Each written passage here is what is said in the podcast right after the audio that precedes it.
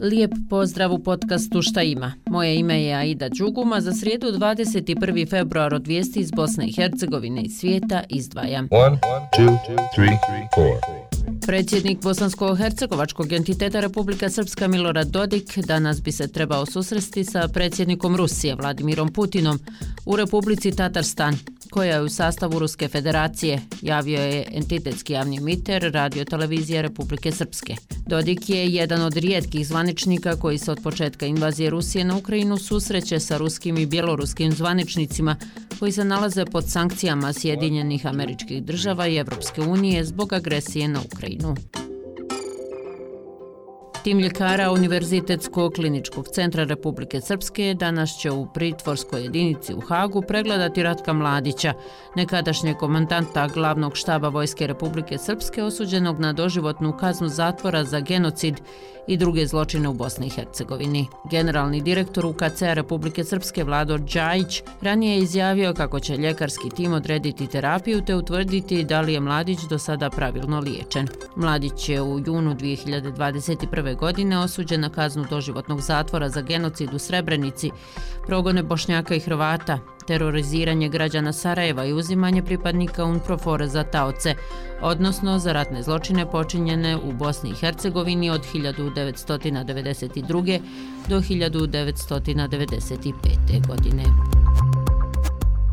Sud Bosne i Hercegovine izreći će prvostepenu presudu predmetu Mato Žarić i drugi koji se terete za počinjeno krivično dijelo zloupotrebe položaje ili ovlaštenja. Riječ je o presudi za visoku korupciju. Tužilaštvo BiH tereti Matu Žarića, Mila Vule, Aleksandra Šukala, Zorana Manojlovića i Dragu Maleševića da su od 2015. do 2018. postupajući kao odgovorne osobe institucijama BiH i iskorištavanjem svog službenog položaja pribavili drugom imovinsku korist, a nanijeli štetu višu od 450.000 maraka javnom preduzeću Elektroprijenost BiH, kompaniji zaduženoj za distribuciju električne energije na nivou cijele Bosne i Hercegovine.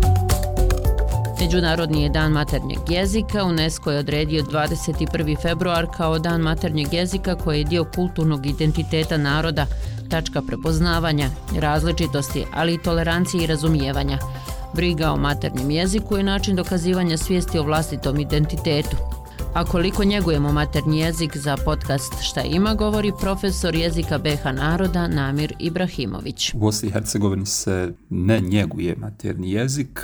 U Bosni i Hercegovini se maternji jezik predstavlja kao bitan dio identiteta, ali se ne propituje koliko zapravo je kvalitet samo korištenja maternjeg jezika bitan ili važan za spoznaju sebe, za spoznaju svijeta oko sebe, za razumijevanje onoga što nam se događa jel, u ovako postavljenom demokratskom društvu i ne koriste se svi oni moć moćni alati maternijeg jezika da bi se mijenjao svijet oko sebe, da bi se poboljšavali životni uvjeti. U svijetu se govori oko 6000 jezika, a svake dvije sedmice u svijetu se ugasi po jedan jezik. Osnovno za preživljavanje jezika je da se prenosi djeci, da ima institucionalnu podršku, svoje pismo, da se njeguje školama, medijima. U Bosni i Hercegovini maternji jezik se pogrešno njeguje i u obrazovnom sistemu i čini sve da zapravo imamo vrlo oskudne i siromašne govornice i govornike maternjega jezika, a ne one a, govornike koji će svojim znanjem, svojom riječju, svojim krikom, smislenim, jasnim na maternjem jeziku promijeniti ovo društvo društvo napolje. I još jedan svjetski dan i to turističkih vodiča, a danas već tradicionalno udruženju turističkih vodiča Sarajevo Vučko poklanja svim građanima, turistima i mališanima besplatne ture po Sarajevu. Predsjednik tog udruženja Edino Grešević za naš podcast kaže. Upoznajte Sarajevo sa vodičima, imamo dvije ture, jedna je upoznajmo Evropski Jerusalim za sve građane, svi su dobrodošli, a druga tura je za male ambasadore, to je za najmlađe, da šire dobar glas o našem gradu. Svi su dobrodošli. Vidimo se u jedan sat ispred katedrale. I na kraju jedna lijepa akcija. Osnovna škola Mojaga Komadina iz Mostara u saradnji sa vijećem roditelja organizuje akciju pošumljavanja Fortice, hiljadu satnica za moj grad. Organizatori kažu da su svjesni da su mnoge šume u Bosni i Hercegovini uništene i da žele da daju doprinos očuvanju životne sredine. I toliko od mene. Želim vam ugodan ostatak dana. Ostanite vedri i nasmijani. Do slušanja.